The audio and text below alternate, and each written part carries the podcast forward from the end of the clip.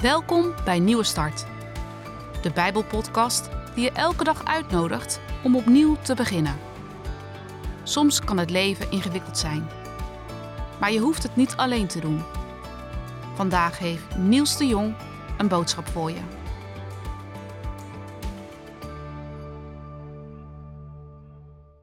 Mensen met muren om zich heen. Je loopt er vast wel eens tegenaan.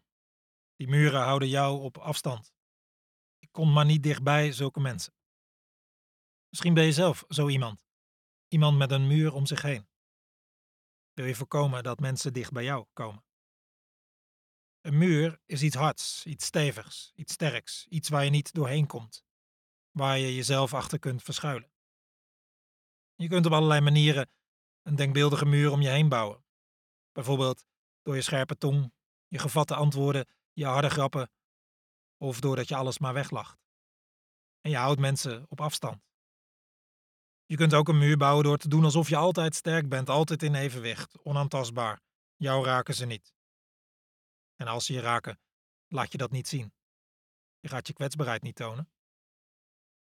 Die muren van ons eh, moeten indruk maken op anderen. Maar het is goed om te weten wat er achter zit.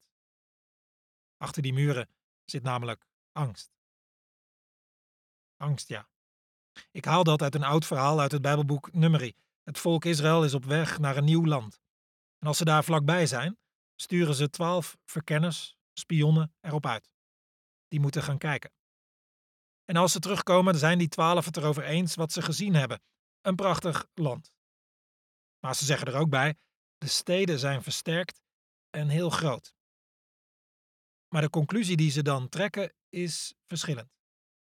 Tien van de twaalf zien het niet zitten om dat nieuwe land binnen te gaan. Twee denken juist van wel. Ik lees even kort de conclusies die ze trekken. Dat groepje van twee zegt in nummer 13: We kunnen zonder problemen optrekken en het land in bezit nemen. Wij kunnen dat volk makkelijk aan. De tien trekken de volgende conclusie. Zij zeggen: Wij kunnen dat volk niet aanvallen. Het is te sterk voor ons. Ze hebben alle twaalf precies hetzelfde gezien. Maar de conclusie is heel anders. In de loop van het verhaal blijken die twee het goed gezien te hebben, want zo blijkt, achter die ommuurde steden zitten de mensen als angstige konijntjes bij elkaar. Die twee zagen muren niet als teken van kracht, maar die wisten dat het een teken van zwakte was, van angst.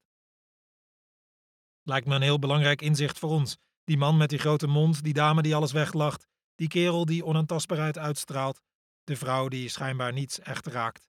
Je zou er van onder de indruk raken, van hun kracht. Maar vergis je niet, er zit angst achter. En die muren zijn gebouwd om jou op afstand te houden, zodat je niet ziet hoe het er werkelijk voor staat.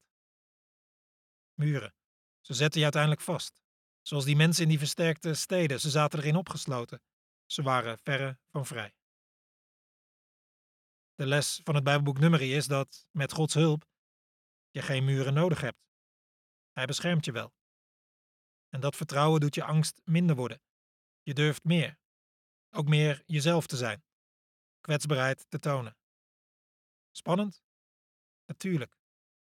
Maar je krijgt er je vrijheid voor terug. Je onbevangenheid. Je mag jezelf zijn. Dat is zoveel prettiger. Voor jezelf en anderen. Daarom, als het je lukt, probeer muren af te breken. Bij jezelf en anderen. Met Gods hulp is dat mogelijk. Heb jij muren om je heen vanwege een bepaalde angst? Vraag God om hulp bij het afbreken ervan. Laten we bidden. God, wij mensen bouwen zo vaak muren om onszelf. Ik ook. Omdat ik bang ben dat mensen me raken. Maar ik wil vrij zijn. Open. Echt. Wilt u me daarom helpen muren om mij heen af te breken? Amen.